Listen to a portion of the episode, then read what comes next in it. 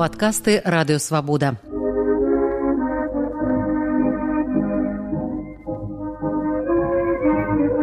Сто гісторый пра БНР з Сергеем Шупам.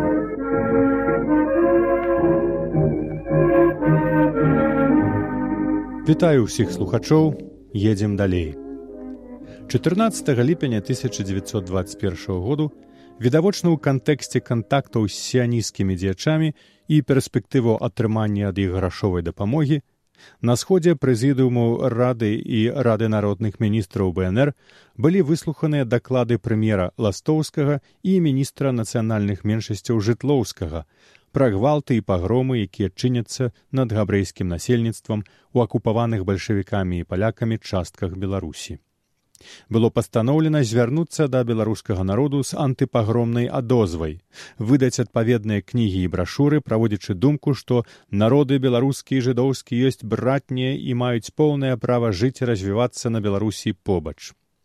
З пакетам дакументаў на гэтую тэму самуіл жытлоўскі паедзе на дванаццаты сіянісцкі кангрэс які адбудзецца ў карлсбадзе ад першага да чатырнаццатага верасня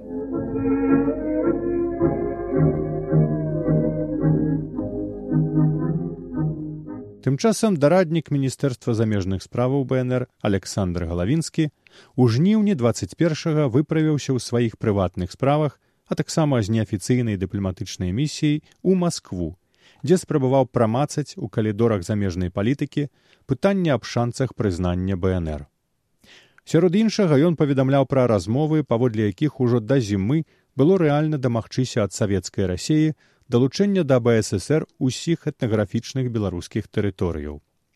У ліпені 21 ў Мску адбылася эканамічная нарада прадстаўнікоў менскай, віцебскай, смаленскай і гомельскай губерняў.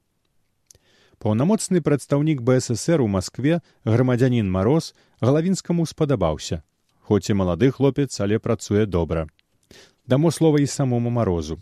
Наша адраджэнне толькі што пачалося. Шмат хто да гэтага часу нічога не ведаў аб сваёй бацькаўшчыне. Вялікая шкода ў тым, што тыя працаўнікі, якія пачалі працу беларускага адраджэння, не знаходзяцца ў Мску. Напрыклад, смоліч напісаў геаграфію, абадзяецца чорт яго ведае дзе. Дарэчы, беларусы з абодвух бакоў палітычных барыкадаў з БНР і з БСР тады ў 1921 маглі спакойна сустракацца размаўляць і нават супрацоўнічаць. Але доўга такая сітуацыя не праіснуе. Так галавінскі сустрэўся ў маскве з метром жылуновічам першым старшынём ураду савецкай беларусі девятнаццатого году а цяпер кіраўніком дзяржаўнага выдавецтва. І гаварыў з ім зусім не пра палітыку а пра літаратуру і выдавецкую справу. Жылунович рыхтаваўся выехаць у берлін і выдаваць там беларускія кнігі бо паліграфічныя магчымасці ў менску былі вельмі абмежаваныя. У гэтай справе планавалася супрацоўніцтва з кіраўніком бнраўскага ўдавецтва вызвалення ў берліне александром цвікевічам.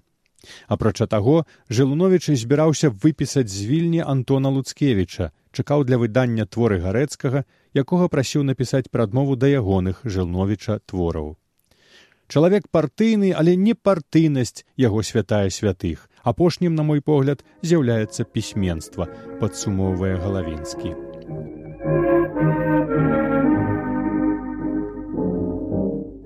Да лета 1921 году у беларускім нацыянальным сусвеце пасля ўсіх воінаў рэвалюцыяў і бамбічаскіх пераваротаў апошніх некалькіх гадоў саспеў час азірнуцца навокал і ацаніць актуальную сітуацыю якая як выглядае памалу стабілізавалася. Вырашылі сабраць прадстаўнікоў усіх плыняў і кірункаў беларускай незалежніцкай палітыкі з розных краінаў еўропы. Такі збор беларуская нацыянальна-палітычная нарада адбыўся ў празе 26 28 верасня 1921 году. На яго з'ехаліся тры дзясяткі ўдзельнікаў з вільні коўна рыгі варшавы ды іншых беларускіх асяродкаў Нарада адбылася ў адным з самых імпазантных у празе рэпрэзентацыйных памяшканняў грамадскім доме, дзе 28 кастрычніка 1918 году была абвешчаная незалежнасць чэхаславатчыны.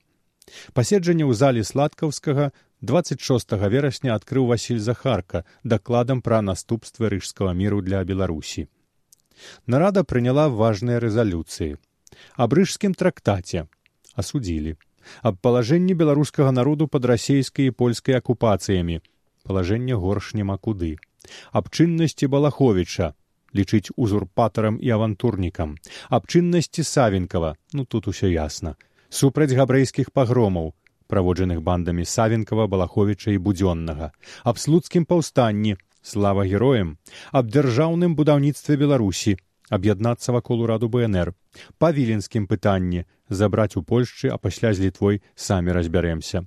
Аб эканамічным палажэнні Беларусі, пратэст супраць акупантаў рабаўнікоў, аб культуры і прасвеце, змагацца з акупантамі за культуру і мову, аб дапамозе ахвярам вайны і голаду. Ну і тут усё ясна. У сваёй справаздачы начальству прысутны на нарадзе агент чэхаславацкай паліцыі напісаў: За абодва дні нарады парадак прысутнымі парушаны не быў. У трэці апошні дзень нарады агент у залю паседжанняў не прыйшоў. На маргінесе нацыянальна-палітычнай нарады прадстаўнікі розных кірункаў беларускай палітычнай думкі скарысталіся нагодай, каб абмеркаваць іншыя важныя тэмы, якім не знайшлося месца ў парадку дня нарады. Сярод іншага была пастаўленая канчатковая кропка на Аўгену ладнову, які за пару гадоў дзейнасці ўнёс у беларускую палітыку дух шпіёнаманіі і авантурнага раману. Удзельнікі адмысловай нарады ў гэтай справе зняпраўдзілі выстаўленыя ладновым абвінавачанне ўраду ластоўскага ва ўдзеле ў нямецка-расейскай манархічнай змове і запрапанавалі былому дыпламату паўстаць перад грамадскім судом. Ладноў лішне казаць прапанову праігнараваў і ў наступныя гады працягваў свае паранаідальныя расследаванні, плёнам чаго сталіся тры дакументальныя кнігі расследаванні пратаколы людендорфа штынаса чычэрына супраць блёку з немцамі і агнём і мячом голадам і хваробамі. У рэцэнзіях на іх пісалася такое дзіўны ўзор паваеннага псыхозу апублікаваныя дакументы нават калі б яны былі аўтэнтычныя нічым не даказваюць таго што хоча даказаць аўтар. Надзвычайная мешаніна банальнасці і бульварнага раману.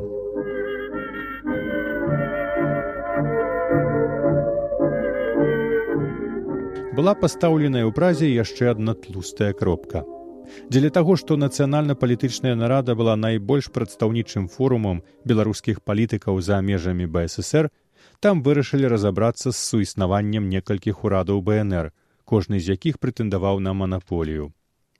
Прадстаўнікі ўраду ластоўскага з ім самым на чале колішняга кола найвышэйшай рады тарашкевич беларускага нацыянальнага камітэту ў варшаве дубейкаўскі віленскага нацыянальнага камітэту карабач горадзінскага нацыянальнага камітэту баран беларусаў латвіі і завітаў пастанавілі лічыць адзінай законнай правадаўчай уладай раду бнр а праўна-выканаўчым органам абраны радай урад ластоўскага.